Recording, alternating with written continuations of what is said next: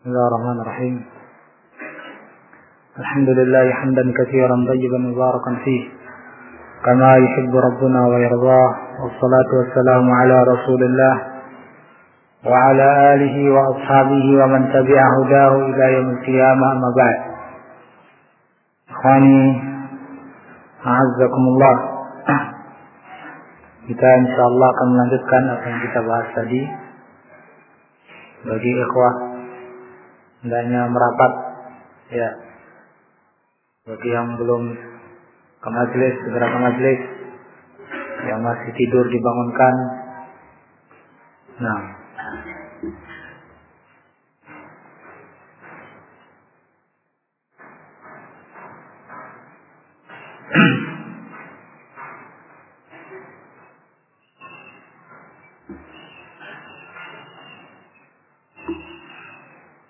Ikhwan rahimakumullah Pada pertemuan yang lalu kita menjelaskan tentang beberapa sebab kenapa sampai orang-orang itu salah dan tersesat sedemikian jauh. Kita telah sebutkan di antara sebabnya adalah mereka memahami makna Al-Quran dan hadis dengan pengertian-pengertian yang tidak dimaukan oleh Allah dan Rasul apakah pengertian yang mereka pahami di masyarakat atau pengertian yang mereka bahkan bikin-bikin sendiri dan dua-duanya parah kalau dipakai untuk memahami kalamullah dan kalam Rasulnya Shallallahu Alaihi Wasallam. Berikutnya di sini masih pada pembahasan sebab-sebab kesesatan mereka. Di antara sebabnya adalah mereka terpengaruhi oleh teori-teori filsafat atau guru-guru dari kalangan orang-orang kafir atau orang-orang yang mengikuti mereka. Ini maksud dengan filsafat di sini adalah mempelajari agama dengan selain jalan para rasul. Nabi Shallallahu Alaihi Wasallam memiliki cara sebagaimana Allah Subhanahu Wa Taala ajarkan. Qul inna ma unzirukum bil wahyi. Katakan, unzirukum bil wahyi. Aku memperingatkan kalian dengan wahyu. Jalan jalan para nabi, jalan para rasul dalam memahami agama adalah dengan wahyu. Nah, ketika ada seorang memahami agama ini dengan selain jalan itu, maka artinya dia telah menyisihi jalan Rasul. Dan banyak yang dipakai oleh orang-orang kecil dan yang diikuti oleh mereka adalah teori-teori yang mereka dapati dari orang-orang kafir, filsafat-filsafat Yunani kuno dan lain-lain. Ya, jadi ilmunya dari mereka juga guru-gurunya dari mereka. Kalau kita melihat misalnya banyak mereka menukil ucapan-ucapan dari semacam Nasr Hamid Abu Zaid orang Mesir. Siapa itu Nasr Hamid Abu Zaid? Ini menurut berita ya telah diputuskan oleh mahkamah Mesir sebagai orang yang murtad karena gagasan-gagasannya yang semacam itu. Al-Quran itu hanya uh, produk budaya saja, hasil budaya Arab. Dan lain-lain, sehingga dikafirkan oleh mahkamah Mesir. Dan diusir dari Mesir. Harus cerai dari istrinya, sehingga dia diasingkan, ya atau lari. Allah malam kisahnya seperti apa, dan jelas sekarang di Belanda dan di sana diopeni. Ya sama orang-orang kafir ya dipelihara. Ini menurut mereka aset untuk menghancurkan Islam. Karena dari orang muslim sendiri menurut mereka. Ini termasuk guru besarnya orang-orang Cil walaupun mungkin tidak secara langsung berguru tapi pemikiran-pemikirannya banyak diadopsi oleh orang-orang Cil Fadlur Rahman orang Pakistan yang juga diusir hingkang akhirnya ke Amerika kalau tidak salah Sama kurang lebih seperti itu jenisnya. Ya. Muhammad Arkaun dan lain-lain. Mereka mengambil ilmu dari orang-orang semacam ini, yang orang-orang semacam ini tadi mengambil dari teori-teori filsafat orang-orang kafir. Sebagai contoh misalnya yang mereka usung sekarang ini teori hermeneutika. Barangkali kita sedikit banyak mendengar tentang itu, nama itu. Yang kemudian sekarang dijadikan sebagai salah satu mata kuliah di IAIN tertentu, Allah alam atau semua atau tertentu atau UIN jadikan sebagai salah satu mata kuliah. Teori hermeneutik ini mereka mau pergunakan untuk menafsiri Al-Quran. Dari mana ini asal usulnya? Asal usulnya dari Yunani kuno. Ya, mereka sering menggembar-gemborkan modern abad sekian.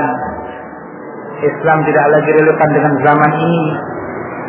Tapi mereka justru mengambil teori Yunani kuno.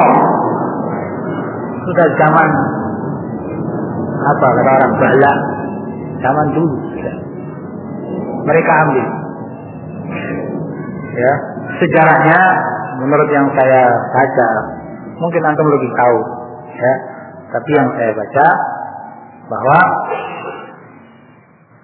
di masyarakat Yunani kuno mereka itu kan tidak percaya wahyu. Mereka imannya kepada mitos-mitos ya cerita-cerita dewa-dewa dan lain-lain. Ada yang namanya dewa. Ini rajanya dewa menurut mereka. Punya istri yang namanya Maya, dewa Maya, dewa perdagangan, dewa apa, dewa ini, dewa itu, kejahatan dan lain-lain. Nah ini raja dewa ini ingin menyampaikan pesan kepada manusia. Bahasanya belum bisa dimengerti, masih samar-samar.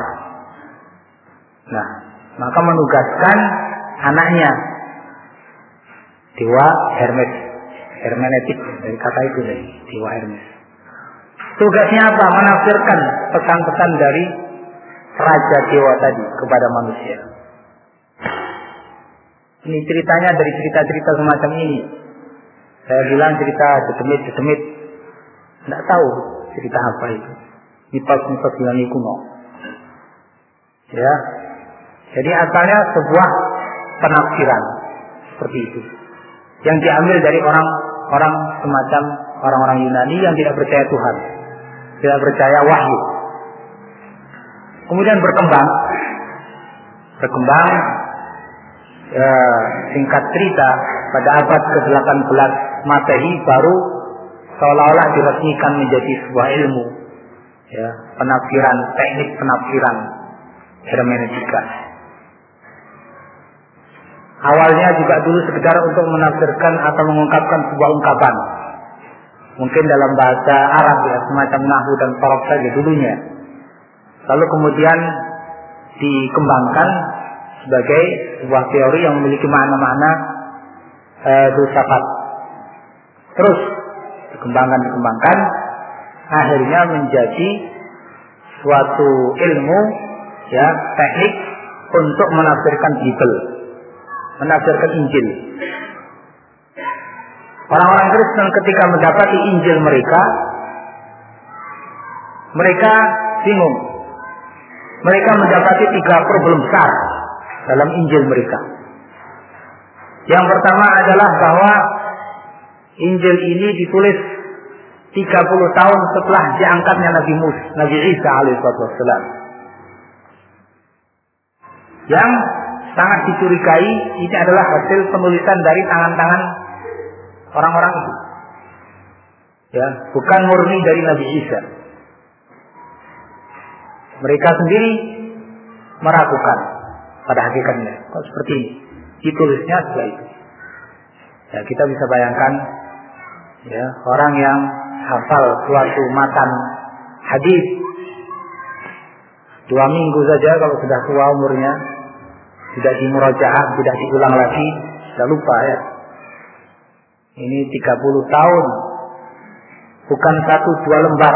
Detail berapa ini menghafal makanya Allah Subhanahu wa taala mengatakan fanasu hazzan mimma dzukirubi mereka pada lupa dari apa yang mereka telah diingatkan.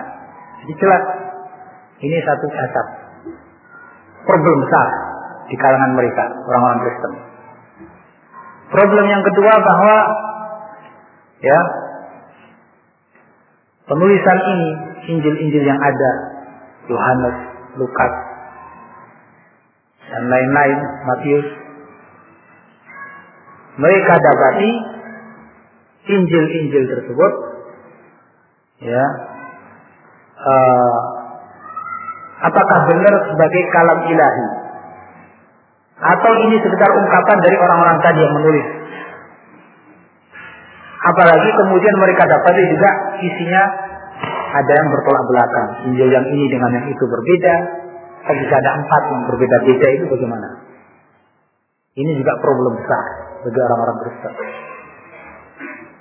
Yang ketiga, mereka dapati Injil yang pertama kali didapati bahasanya bahasa Yunani kuno, bukan bahasa Nabi Isa alaihissalam. Mestinya bahasa Aramia. Ternyata kok bahasa Yunani semua. Sudah bukan lagi apa asli. Ya, kalau Al-Quran kan jelas. Nah, tiga masalah ini yang menghantui mereka. Mereka hanya bimbang bagaimana ini. Problem pada teks yang mereka hadapi, pada isinya, pada pembawanya, tidak punya sanat, yang sahih. Akhirnya mereka memakai teori hermeneutika ini untuk menghukumi teks-teks yang ada di dalam Injil tadi.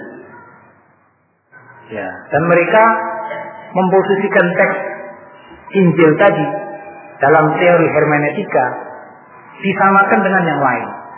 Tidak ada keunggulan suatu teks atas yang lain.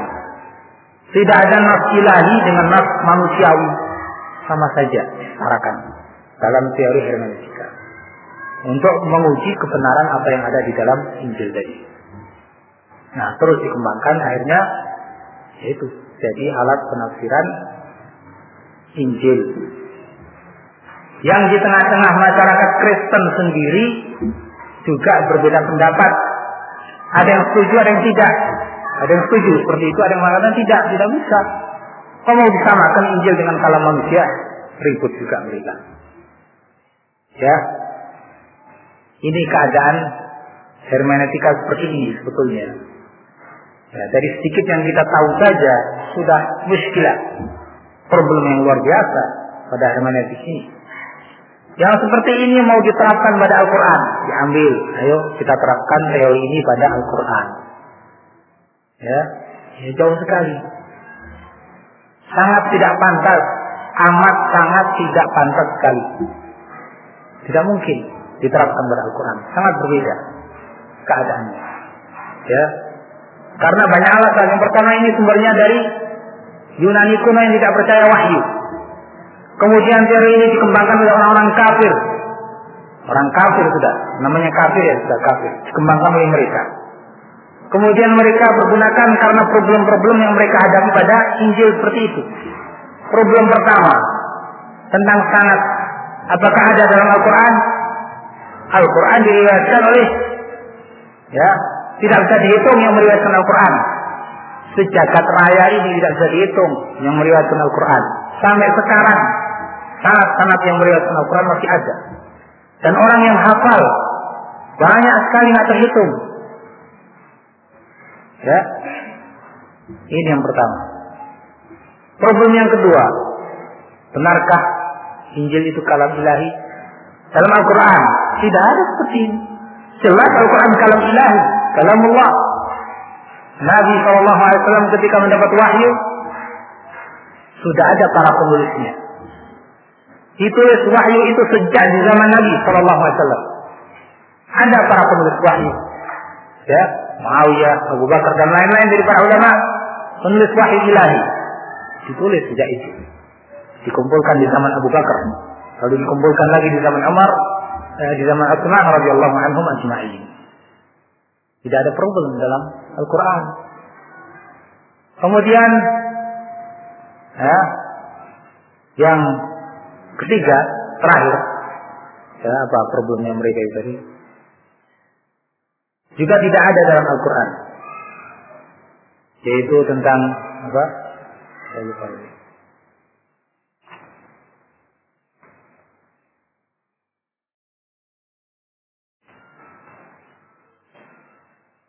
Al-Muhim ya semua yang mereka sebutkan itu dari problem-problem pada Injil sama sekali tidak ada dalam Al-Quranul Karim. Tidak tepat. Ya, tentang bahasa. Ya, tentang bahasa. Al-Quran bahasa Arab. Allah menurunkan dengan bahasa Arab yang kita dapati juga bahasa Arab. Asli bahasa Arab. Tidak ada masalah dalam Al-Quranul Karim. Kemudian mau diterapkan hermeneutika pada Al-Quran, ya tidak cocok sama sekali. Lebih daripada itu, ya teori hermeneutika itu sendiri berbeda-beda. Bukan hanya satu macam. Jangan dianggap sebagai teori yang sudah mapan, mulus dalam perjalanannya. Tidak ada pertentangan antara sana sini. Tidak. Justru bermacam-macam.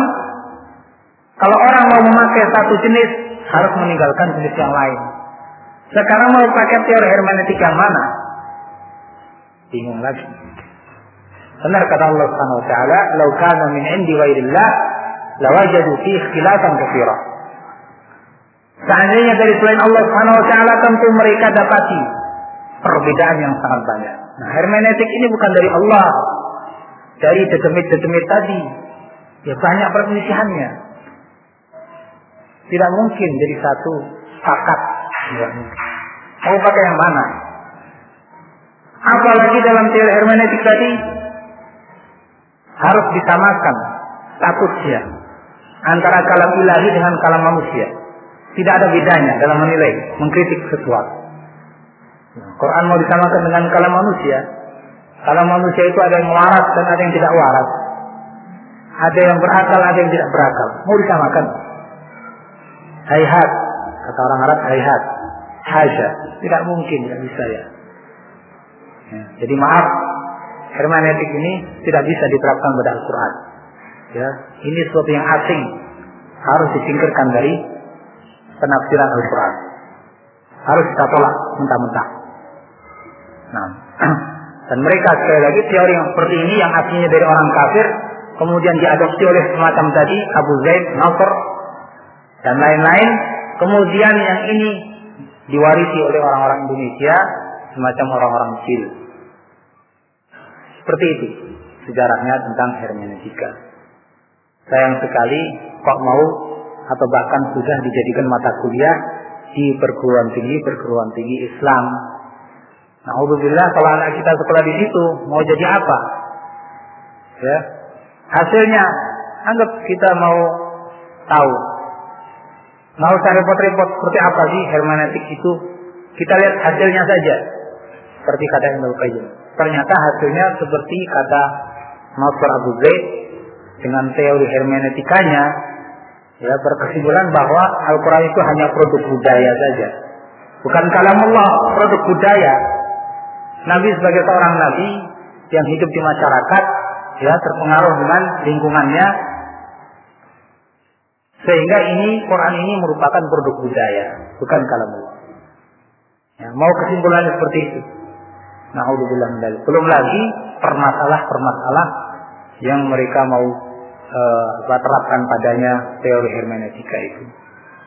Alhamdulillah azakumullah ini sebab terbesar, termasuk sebab terbesar dari tersesatnya mereka dari agama yang lurus ini. Nah, jadi Islam dalam memahami Al-Quran dan Hadis punya cara, manhaj. Tidak butuh kepada mereka. Islam sudah kaya, seperti yang kita terangkan kemarin sudah sempurna. Nggak butuh kepada tambahan. Termasuk dalam teori memahami kalamullah. Hati-hati nggak sembarangan seperti itu. Masruk bin Ajdah rahimahullah taala mengatakan ittaqut tafsir fa innahu riwayatun 'anillah. Hati-hati kalian dalam menafsirkan Al-Qur'an. Karena tafsir itu adalah meriwayatkan dari Allah. Kalau kalian salah, artinya salah dan mengatasnamakan Allah Azza wa Jal. Dan ini termasuk al-qaul 'ala Allah bi ghairi ilm. Berbicara tentang Allah Subhanahu wa taala tanpa dilandasi ilmu dan ini termasuk dosa yang besar. Nauzubillah min dzalik. Abu Bakar As-Siddiq radhiyallahu anhu sama mengatakan, "Ayu ardin tukilluni, tukilluni, wa ayu sama'in tudilluni." Idza qultu fi kitabillah ma la a'lam. Bumi yang mana yang mau menerima pijakan kakiku? Langit yang mana yang mau menaungiku? Kalau aku mengatakan pada kitabullah sesuatu yang saya tidak punya ilmu. Ini takutnya Abu Bakar Siddiq radhiyallahu anhu mau menafsirkan Al-Qur'an. Kalau punya ilmu baru berani. Nah ini orang-orang sekelas ya unyil mau menafsirkan Al-Quran dengan hermeneutika ya. Bahkan mau membuat buku tafsir. Ya, tafsir ulil absar. Ya, tahu mau jadi apa itu tafsirnya. Ikhwan azakumullah para ulama rahimahumullah menerangkan bahwa dalam menafsirkan Al-Quran itu yang pertama menafsirkan Al-Quran dengan Al-Quran itu sendiri. Ayat Al-Quran satu sama lain saling menjelaskan. Ya, Allah sifati kitabnya dengan mutasyabihat. Mutasyabihat masani. Mutasyabihat saling menyerupai. Yang ini menerangkan yang itu, yang itu diterangkan oleh yang ini. Saling menerangkan dan seorang yang mengatakan suatu kat, uh, ucapan dia lebih tahu apa yang dimaukan ya qul antum a'lamu amillah katakan kalian lebih tahu atau Allah Allah lebih tahu Allah lebih tahu tentang makna kitab-kitabnya. Apa yang Allah maksudkan dengan ayat ini? Diterangkan oleh Allah dalam ayat yang lain. Ini yang pertama. Jadi disepakati oleh para ulama bahwa ya menafsirkan Al-Quran dengan Al-Quran satu ayat dengan ayat yang lain ini yang paling bagus. Kemudian ditafsirkan pula dengan sunnah seperti yang kemarin kita terangkan. Nabi Wasallam diperintah oleh Allah Subhanahu Wa Taala untuk menerangkan Al-Quran jelas itu ada tafsir dalam Islam ya ngambilnya dari orang yang terbaik Nabi Shallallahu Alaihi Wasallam bukan dari dewa Hermes tadi, setemit-setemit tadi, bukan. Tapi dari Nabi Shallallahu Alaihi Wasallam. Kalau Nabi Shallallahu Alaihi Wasallam misalnya uh, tidak didapati dari beliau keterangan yang jelas dalam suatu ayat, kita lihat pula tafsir para sahabat. Para sahabat itu orang yang paling tahu tentang Al-Quran setelah Nabi. Karena tahu kapan turunnya, di mana turunnya, kondisi yang ada ketika itu seperti apa, sangat memahami maksud daripada ayat itu. Mereka yang mengalami dan mereka belajar dari Nabi. Mereka belajar dari Nabi bukan hanya ayat-ayat Al-Quran dari sisi bacaannya, bahkan mereka mempelajari dari sisi maknanya juga. Kata sebagian sahabat, "Kunna la natajawaz ayat hatta na'lama fiha min halal wa haram." Kita nggak pernah melewati 10 ayat sampai kita tahu dulu halal dan haram yang ada dalam ayat itu. Kalau sudah tahu, pindah ayat yang lain. 10 lagi, pelajari lagi. Mengetahui hukum-hukumnya, makna-maknanya. Pindah lagi, 10 berikutnya. Begitu para sahabat. Jadi mengerti benar, bukan hanya bacaannya, sampai pada makna-maknanya mereka tahu. Bahkan, ya, Ibnu Abbas radhiyallahu anhu Didoakan oleh Nabi SAW, Allahumma fatihu bid-din wa alimhu ta'wil. Ya Allah, pahamkan dia dalam urusan agama dan ajari dia tafsir Al-Quran. Jadi dengan ini para sahabat Nabi Wasallam, ya, ucapan-ucapannya dalam menjelaskan Al-Quran sangat diterima. Karena seperti yang tadi kita jelaskan. Kalau dari para sahabat misalnya kita kurang mendapati keterangan dari tabi'in. Tabi'in itu mengambil dari para sahabat ilmunya. Sebagai contoh misalnya Mujahid bin Jabal. dan para ulama yang lain. Kota ada Ikrimah, Sa'id bin Jubair, ya, Al Hasan al Basri dan lain-lain. Mereka itu belajar dari para sahabat. Dan yang khusus masalah tafsir misalnya, murid-murid Ibnu Abbas tanya spesialis apa belajar tafsir. Mujahid bin Jabir kamu mengatakan Arabul Quran ala Ibnu Abbas salah marrat. Saya hadapkan Al-Quran ini kepada Ibnu Abbas sampai tiga kali. Hakikuhu inda kulli ayat. Saya hentikan Abdullah bin Abbas setiap ayat. Alif lam mim dalikal kitab la raiba Berhenti. Artinya apa? Terangkan. Satu ayat lagi. Artinya apa? Terangkan. Terus sampai khatam. Nggak cukup satu kali. Sampai tiga kali khatam. Di hadapan Abdullah bin Abbas. Imam Mufassirin. Yang didoakan oleh Nabi Sallallahu Alaihi Wasallam. Sehingga sebagian ulama akan mengatakan tidak jaka tafsir an mujahid fahasbuk. Kalau kamu dapati tafsir dari mujahid cukup buat kamu sudah. Karena dia seperti ini keadaannya. Ya, Khanuddin Azzaqullah ini metode tafsir dalam Islam disebutkan oleh Ibnu Katsir rahimahullah dalam mukadimah tafsirnya diterangkan seperti ini tafsir yang benar. Ibnu Taimiyah rahimahullah dalam usul tafsir menyebutkan seperti ini tafsir yang benar. Ya, kalau tafsir sekedar dengan akal-akalan ini semata-mata dengan akal salah. Caranya dulu kamu sudah salah. Seandainya benar, ini kebetulan saja. Caranya tetap salah. Apalagi salah. Ya, sudah. Salah dua kali dia. Nah, kalau mau nafsirkan dengan akal, ya akal ini harus dibekali ilmu dulu. Harus merujuk kepada tadi yang kita sebutkan. Kalamullah, kalam Rasul, kalam para sahabat, dan tabi'in. Baru dia simpulkan sesuai dengan apa yang mereka katakan. Seperti itu. Tidak butuh kepada hermeneutika atau yang lain yang diambil dari orang-orang kafir. Kemudian khonudina azakumullah sebab yang ke berapa? Tiga. Ya. Banyak sebabnya. Saya sebut beberapa saja yang penting.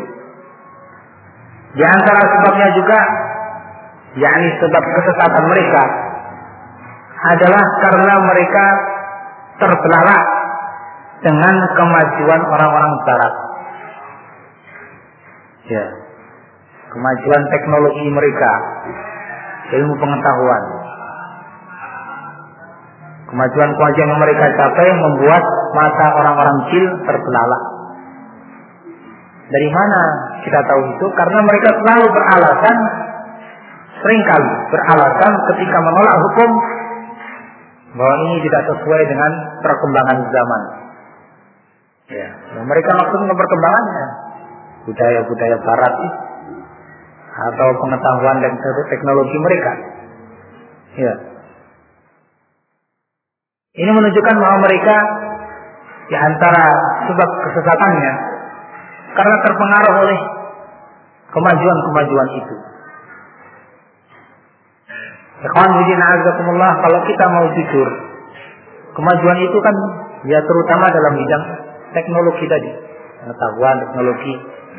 Kalau adat uh, apa adat mereka, akhlak mereka itu maju atau tidak maju, ya mundur, mundur saja sampai terjungkal belakang. Orang-orang mereka melebihi orang-orang jahiliyah dulu. Ya, kembali seperti jahiliyah, bahkan lebih parah daripada jahiliyah zinanya, khomernya, judinya, pergaulan bebasnya, ya, dan lain-lain. Enggak, sangat jelek. Kalau dulu di zaman Nabi, Nabi pernah berkata kepada para sahabatnya, Allah Subhanahu wa taala melaknati orang yang melaknat kedua orang tuanya. Allah melaknat orang yang mencela kedua orang tuanya. Para sahabat mendengar itu heran. Ya Rasulullah, wahai yal'anu rajul walidai. Apakah ada orang yang melaknati kedua orang tuanya. Sahabat heran. Di zaman itu nggak pernah terdengar. Ya, walaupun jahiliyah sebelum datangnya Nabi, kemudian setelah itu, apalagi setelah Islam, nggak pernah terdengar yang namanya seorang anak mencerca orang tuanya. Keheranan mereka. Tapi katakan, nah, ya ada. Kok ada? Bagaimana Nabi jawabnya? Yal'anu abawai. Ar-rajul fayal'an. Fayal'anu abawai. Yal'anu uh, abar rajul fayal'anu. Yasubbu abar rajul fayasubbu abah. Wa yasubbu ummahu fayasubbu ummah. Yaitu dengan dia mencela bapak seseorang akhirnya orang itu membalas. Mencela bapaknya. Ia mencela ibu seseorang akhirnya dia membalas mencela ibunya. Jadi maksud Nabi ada, walaupun tidak langsung. Yaitu dia melakukan suatu perbuatan yang menyebabkan orang lain mencela kedua orang tuanya sendiri. Ini dulu, zaman dulu. Seperti ini. Ya. Kalau kita sekarang berkata, ada seorang anak mencaci orang tuanya. Heran kita. Tidak heran. Seandainya kita ngomong ada seorang anak membunuh orang tuanya, ya sudah agak biasa lah telinga kita ini. Benar. Nah sekarang kalau begitu baik mana? Dari si akhlak jahiliyah dulu atau sekarang? Ternyata zaman sekarang lebih parah daripada jahiliyah dalam banyak hal. Dalam syiriknya, dalam akhlaknya, seperti itu. Ini kalau mau jujur. Jadi kemajuan yang mereka capai hanya dalam bidang teknologi, pengetahuan semacam itu, yang sebetulnya kita gampang. Kita tinggal beli saja bisa kalau seperti itu. Orang-orang Indonesia mungkin belum mencapai kepandaian mereka dalam hal seperti itu. Dan sebagian sudah bisa. Tapi tinggal kalau punya duit kan beli saja bisa. Bikin roket ke canggih-canggihnya. Ya, saya punya duit nih, saya beli. Begitu kan? Kecanggihan teknologi itu seperti itu, tinggal kita beli. Dan satu hal yang wajar kalau mereka maju dalam hal itu karena detik-detik mereka untuk itu. Bukan mikirkan akhirat, tapi mikirkan itu. Allah katakan ya alamuna zahiran minal hayati dunia. Wahum anil akhirati hum ghafilun. Mereka hanya tahu perkara yang lahiriah dari urusan dunia ini.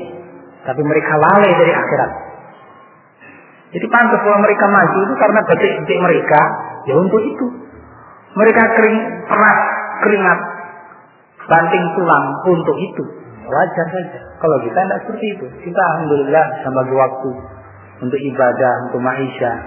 Mereka maju. Bikin HP, bikin apa, komputer, ya sudah bisa beli. Gampang. Ya, begitu saja kan. Komersi terbelalak dengan kebajuan mereka sampai akhirnya mengatakan nggak pantas hukum-hukum Islam ini karena bertolak belakang dengan perkembangan zaman. Untuk apa seperti itu? Dan Allah Subhanahu wa taala sungguhnya telah mengisyaratkan akan adanya orang-orang semacam ini. Ya. Dalam surat Al-Ghafir ayat yang ke-83 Allah Subhanahu wa taala mengatakan Falamma ja'atuhum rusuluhum bil bayyinat farihu bima 'indahum min al-'ilm wa haqa bihim ma kanu bihi yastahzi'un Falamma ja'atuhum rusuluhum bil bayyinat tatkala para rasul mereka datang dengan keterangan-keterangan yang nyata bukti-bukti yang akurat Farihu bima 'indahum min al-'ilm mereka justru berbangga dengan ilmu yang mereka miliki. Ya, nggak mau menerima keterangan para rasul, dalil para rasul dengan alasan mereka memiliki ilmu. Bangga dengan ilmu yang mereka miliki.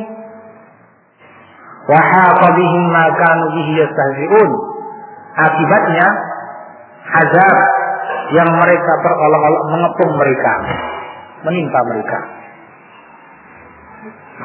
Azakumullah ini Allah Subhanahu wa taala telah memberitahukan kepada kita tentang orang-orang semacam ini. Ketika datang wahyu dari Al-Qur'an menentukan hukum ini dan itu ditolak dengan alasan mereka lebih karena mereka berbangga dengan ilmu yang mereka miliki. Sama persis dengan orang-orang tadi.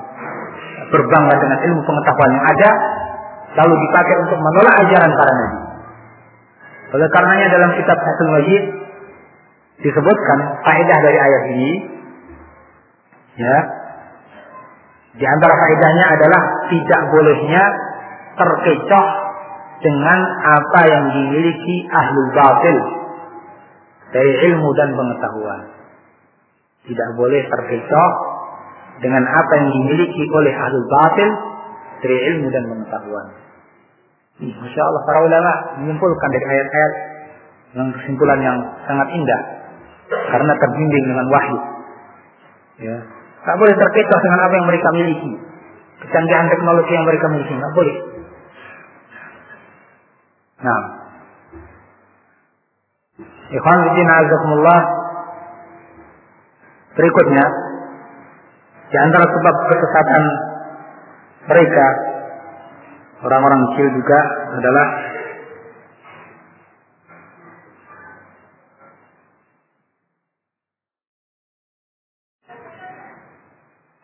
Salah dalam mensikapi Orang-orang yang uh, yang salah juga. Terutama dalam hal ini ketika mereka mensikapi orang-orang yang dianggap oleh mereka sebagai Islam garis keras. Ya, orang-orang ini ketika mensikapi orang-orang yang dianggap oleh mereka berhaluan garis, keras, ya, mereka bantah. Nah, mereka bantah dengan makalah-makalah yang semacam tadi. Dan itu ditegaskan oleh siapa? Oleh Absar sendiri. Bahwa tulisan-tulisannya, terutama yang berjudul menyekarkan kembali pemahaman Islam, ini dia bikin untuk menandingi orang-orang yang dianggap olehnya berhaluan keras. Nah, kita perhatikan. Kalau kita mensikapi orang-orang yang keras, orang-orang yang salah dengan cara yang salah, maka akan semakin menambah kesalahan. Ya, akan semakin menambah kesalahan. Bukan begitu caranya mensikapi orang-orang yang salah. Ketika ketika ada orang yang salah harus kita sikapi dengan cara yang benar. Ini sebagai salah satu contoh yang terjadi pada jil. Dan kalau kita menengok sejarah, ya, bid'ah-bid'ah muncul di antara sebabnya adalah semacam ini. Bid'ah orang-orang murjiah. Orang-orang murjiah tampil kapan? Setelah munculnya orang-orang khawarij. Orang-orang khawarij ini sangat keras. Mereka mengkafirkan orang-orang yang berbuat dosa besar. Begitu saja dikafirkan tanpa menengok apa keyakinannya, tanpa melihat kaidah-kaidah yang syar'i. Pokoknya yang berdosa ya kafir, kata orang Khawarij. Orang Murji'ah nggak terima, kok begitu? Dikit-dikit kafir, dikit-dikit kafir. Nggak bisa kalau seperti itu. Kita sebaliknya. Ya, orang yang berdosa terserah mau dosa apa. Kalau dia masih iman, dalam dirinya. Dia ucapkan dengan lisannya maka dia mukmin. Dia mau berbuat apa saja. Imannya tetap sempurna. Amal anggota badan ini bukan termasuk iman. Yang namanya iman itu yang ini. Dalam dada ini. Yang dia ucapkan itu saja. Perbuatan bukan termasuk iman. Sehingga mau berbuat apa saja terserah. Imannya tetap sempurna. Seperti imannya para sahabat. Bahkan seperti malaikat Bahkan para seperti para nabi dan rasul.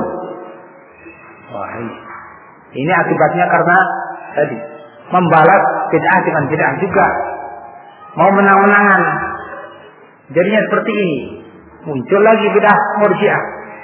Tadinya cuma satu khawarij tambah satu jadi murjiah. Khawarij lawan murjiah. Semakin banyak kesesatan. Muncul lagi yang ketiga, orang-orang Mu'tazilah. Al Hasan Al Basri rahimahullah dalam majelisnya ketika menerangkan kepada murid-muridnya, datang seorang bertanya, Ya Imam Ad-Din, wahai imam agama ini. Ya, ada orang semacam ini. Sedikit-sedikit mengkafirkan.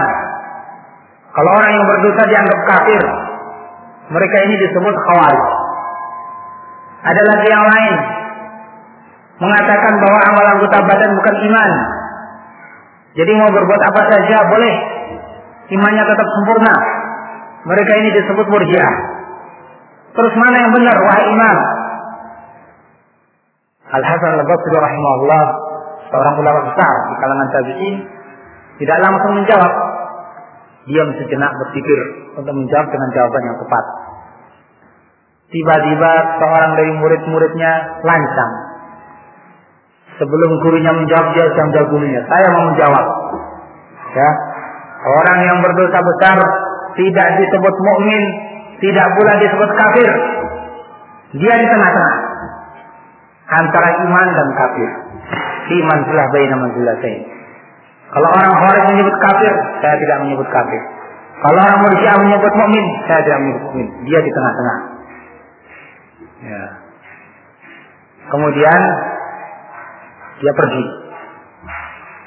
Ya, di tempat lain maka Al Hasan Al Basri mengatakan i'tazala anna wafil. Wafil namanya tadi wafil. Wafil memisahkan dari kita. Ya tempatnya memisah, akidahnya juga memisah. Jadilah namanya Mu'tazilah, kelompok yang memisah.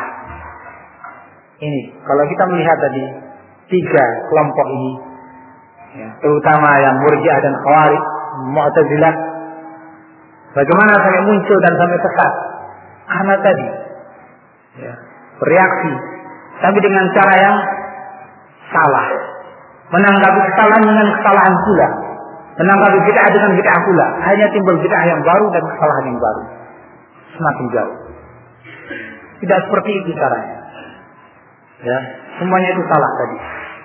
Yang benar ya bahwa iman itu adalah keyakinan dalam kalbu kita, ucapan dengan lisan kita dan amalan anggota badan kita.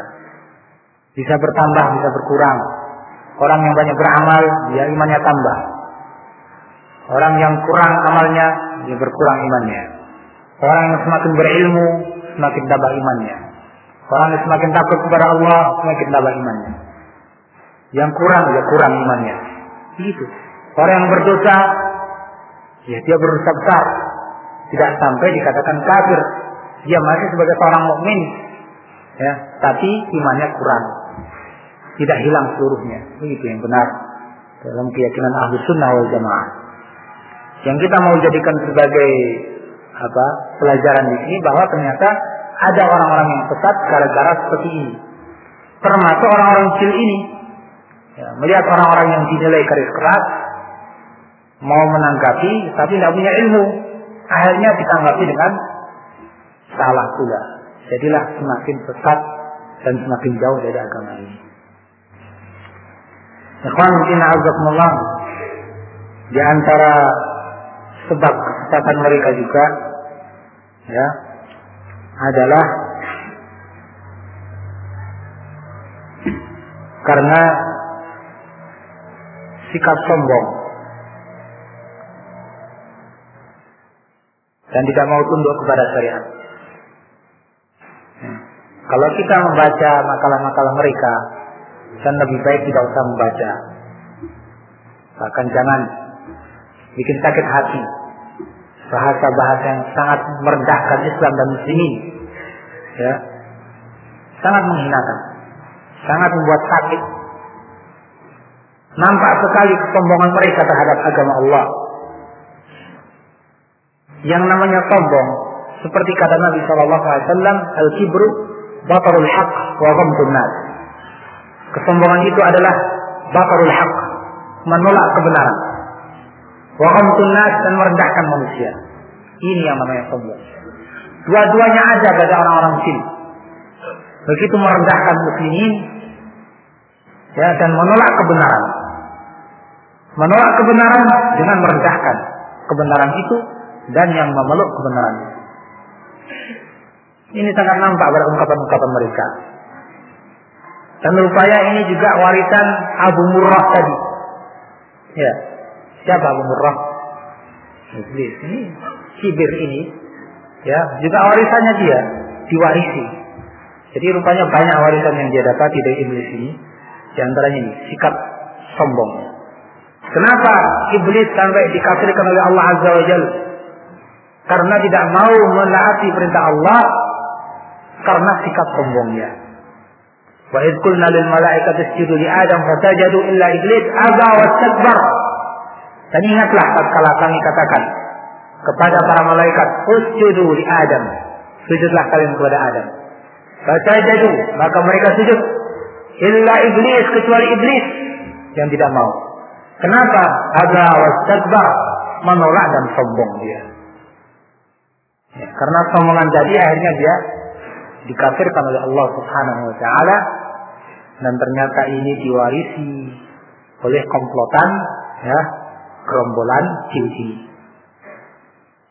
Dengan sombongnya mereka menolak ayat-ayat Allah dan hadis Nabi SAW sebagai contoh apa yang tadi apa yang kemarin saya sebutkan. Ulil ini mengatakan apa? Ya tanpa rasa cukup saya mengatakan tidak ada hukum Tuhan. Sombongnya seperti ini. Ya. dia dikatakan sebagai seorang santri mertuanya uh, menantunya kiai ya kata Gus Dur tidak diragukan lagi kredibilitasnya sebagai seorang santri. Ya sudah nggak apa-apa sebagai santri. Saya nggak mengingkari. Tapi yang namanya santri itu macam-macam. Ada santri nakal, ada santri rajin, ada santri malas, ada santri yang masya Allah. Nah, kalau seorang santri kalau mengatakan tidak ada hukum Tuhan, ini santri apa? Dia belajar apa tidak ketika nyantri itu? Kok nggak ada hukum Tuhan ini gimana? Ya, sekolah di Libya. Mana hasil sekolahnya itu? Nggak ada hukum Tuhan. Hukum muamalah, ya perdagangan, jual beli, sewa menyewa, gade menggadekan dan lain-lain macam-macam sesuai dalam Islam. Barangkali itu, ya, kalau misalnya semuanya jadi satu, mungkin perempatnya itu. Dikatakan tidak ada hukum Tuhan. Na'udzubillah. Jadi apa yang dia katakan. Dan banyak lagi orang-orang seperti itu. Dengan sombongnya menolak hukum-hukum Allah Subhanahu wa. Ada lagi yang namanya Masdar Mas'udi. Mengatakan apa? Haji. Haji itu kok banyak korban seperti itu. Sudah ganti saja waktunya. Jadi haji bukan bulan apa? Dzulhijjah saja. Kata dia al-hajju ashhurun ma'lumat. Haji itu bulan-bulan yang telah diketahui. Syawal, Dzulqa'dah, Dzulhijjah. Jadi haji Syawal saja dibagi-bagi itu ya, biar nggak terlalu ramai. Ini salah satu solusi biar tidak terjadi kecelakaan. Ya, hari Arafahnya kapan kalau gitu. Ya. Ini macam-macam, aneh-aneh, nyeleneh-nyeleneh. Ya, kata para ulama rahimahullah, la yaji'u bisyad illa rajul syad. Tidak ada yang datang dengan pendapat yang nyeleneh kecuali orang yang nyeleneh. Nah, semacam ini. Haji yang kata Nabi SAW, Khudwa anni manasikakum. Ambillah dariku haji kalian. Ya, contoh aku, bagaimana aku haji. Nabi haji ketika itu pada bulan yang kita ketahui. Ya, mulai tanggal 8 pelaksanaan hajinya sampai tanggal 13. Kalau haji tamattu umrahnya yang penting pada bulan-bulan haji. Nanti hajinya pada tanggal itu. Nabi katakan seperti itu. Khudhu anni, ambil dariku. Fala'alli la alqakum ba'da hadha. Barangkali aku tidak ketemu lagi dengan kalian setelah ini. Itu pesan Nabi. Ini yang aku umat Nabi Muhammad, Maskar Masudi ini mengatakan, sudah nggak usah bulan Dzulhijjah, bulan lain saja. Ya. Tidak ada rasa tunduknya kepada Allah Subhanahu wa taala. Bahkan mungkin rasa malu pun sudah hilang. Mana rasa malunya kepada Allah, kepada Rasulnya? Dan banyak lagi pendapat-pendapat mereka yang begitu nyeleneh. Alhamdulillah berikutnya sebelum kita akhiri majelis ini di antara kesesatan mereka juga al-ujmah. Al-ujmah itu apa? E, lawan daripada Arab. Ajam itu lawan daripada Arab. Jadi kata al-ujmah artinya ketidakmampuan dalam bahasa Arab. Kurang mampuan dalam bahasa Arab. Seperti kita tahu bahwa Al-Quran Allah turunkan dengan bahasa Arab. Hadis Nabi dengan bahasa Arab. Sehingga orang yang memahami dengan benar harus mengerti bahasa Arab. Kalau ada orang yang setengah-setengah atau seperempat-seperempat, ya, tidak benar-benar menguasai bahasa Arab, lalu ingin memahami Al-Quran dengan Sunnah hanya sebatas dengan ini, maka akan jatuh di dalam kesalahan-kesalahan. Al Hasan Al Basri rahimahullah seorang tabi'in ditanya, "Ara'aita ar-rajul yata'allam al-Arabiyyah liyuqiha biha lisanah wa yuqima biha mantiqahu?" Apa pendapatmu wahai imam? Seorang yang mau belajar bahasa Arab dengan tujuan untuk meluruskan bahasanya, ucapannya, untuk menegakkan kata-katanya supaya sesuai dengan kaidah-kaidah, tidak salah-salah. Apa jawab Al-Hasan? Naam, saya ta'allamha. Ya, harus belajar. Dianjurkan untuk belajar. Kenapa? Fa'inna rajul yakra'u bil ayat. Fayahyahu tawjihaha. Fayahliku. Karena ada orang yang membaca ayat. Lalu ia tidak mampu memahami. Tapi dia paksakan untuk memahami dengan kemampuan bahasa yang sedikit tadi. Akhirnya dia binasa. Ya. Dalam kesempatan yang lain beliau mengatakan ahlakatkum al-ijma tata'awwalun al-Qur'an ala ghairi ta'wil. Kalian binasa karena sebab ketidakmampuan kalian dalam bahasa Arab. Kalian tafsirkan Al-Quran tidak sesuai dengan tafsirnya. Tepat sekali. Orang-orang kecil tadi, ya, tidak lebih pintar dari Zamakhsyari. Ya, penulis kitab tafsir Kasyaf. Tidak lebih pintar daripada Amr bin Ubay. Tidak lebih pintar daripada Ahmad Du. Dan lain-lain dari orang-orang yang ya, dianggap mengerti bahasa Arab bahkan sebagai pakar bahasa Arab. Mereka belajar di pesantren, di Libya, di Mesir, seperti itu.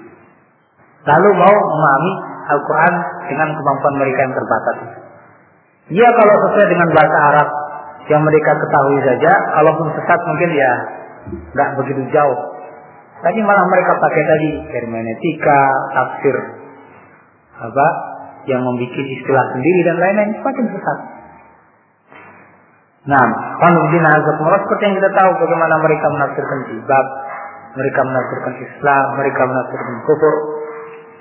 Karena tadi al-ijma. Mereka memahami ayat kayak tadi al-hajj asyru ma'lumat dengan pemahaman mana? Ya. Ikhwan fillah azakumullah. Jadi e, di sini kita mengetahui apa e, beberapa sebab yang dengan itu mereka semakin jauh dari agama ini. Orang-orang yang seperti tadi saya sebut agama syari itu dalam bahasa luar biasa. Bahkan para ulama sebagian merujuk kepada pengertian-pengertian bahasa yang dia sebutkan dalam tafsirnya Al-Kasyaf. Tapi ternyata sekedar kemampuan bahasa tidak cukup. Buktinya dia jadi seorang tokoh Mu'tazilah Amr bin Ubaid juga seperti itu. Ya, tokoh Mu'tazilah, ahli bahasa tapi tokoh Mu'tazilah. Dan banyak lagi yang lain. Apalagi sekelas mereka, orang-orang kecil ini. Apalagi belajarnya saja di Amerika. Ya. Ada lagi yang belajar dari Romo. Sang Kristen Ahmad Wahid dididik dari Romo-Romo itu. Kemudian jadi pemikir Islam. Ke mana? Ini sumbernya dari Romo ya sampai mengatakan masa tiga Allah memasukkan Romo itu ke neraka ya.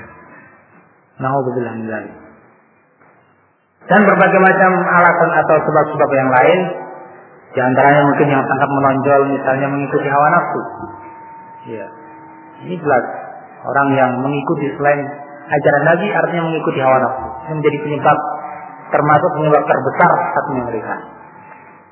Lebih lagi ya cipratan-cipratan dana, aliran-aliran dana dari orang-orang kafir ini juga perannya besar. Karena mereka sendiri ya kata orang tidak konsekuen dengan kaidah-kaidah mereka. Ada yang memberitahu bahwa ketika mereka coba kalau semua agama sama kamu murtad saja. Tak mau.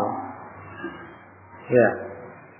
Ini menunjukkan bahwa mereka juga sesat atau melontarkan lontaran-lontaran yang seperti itu.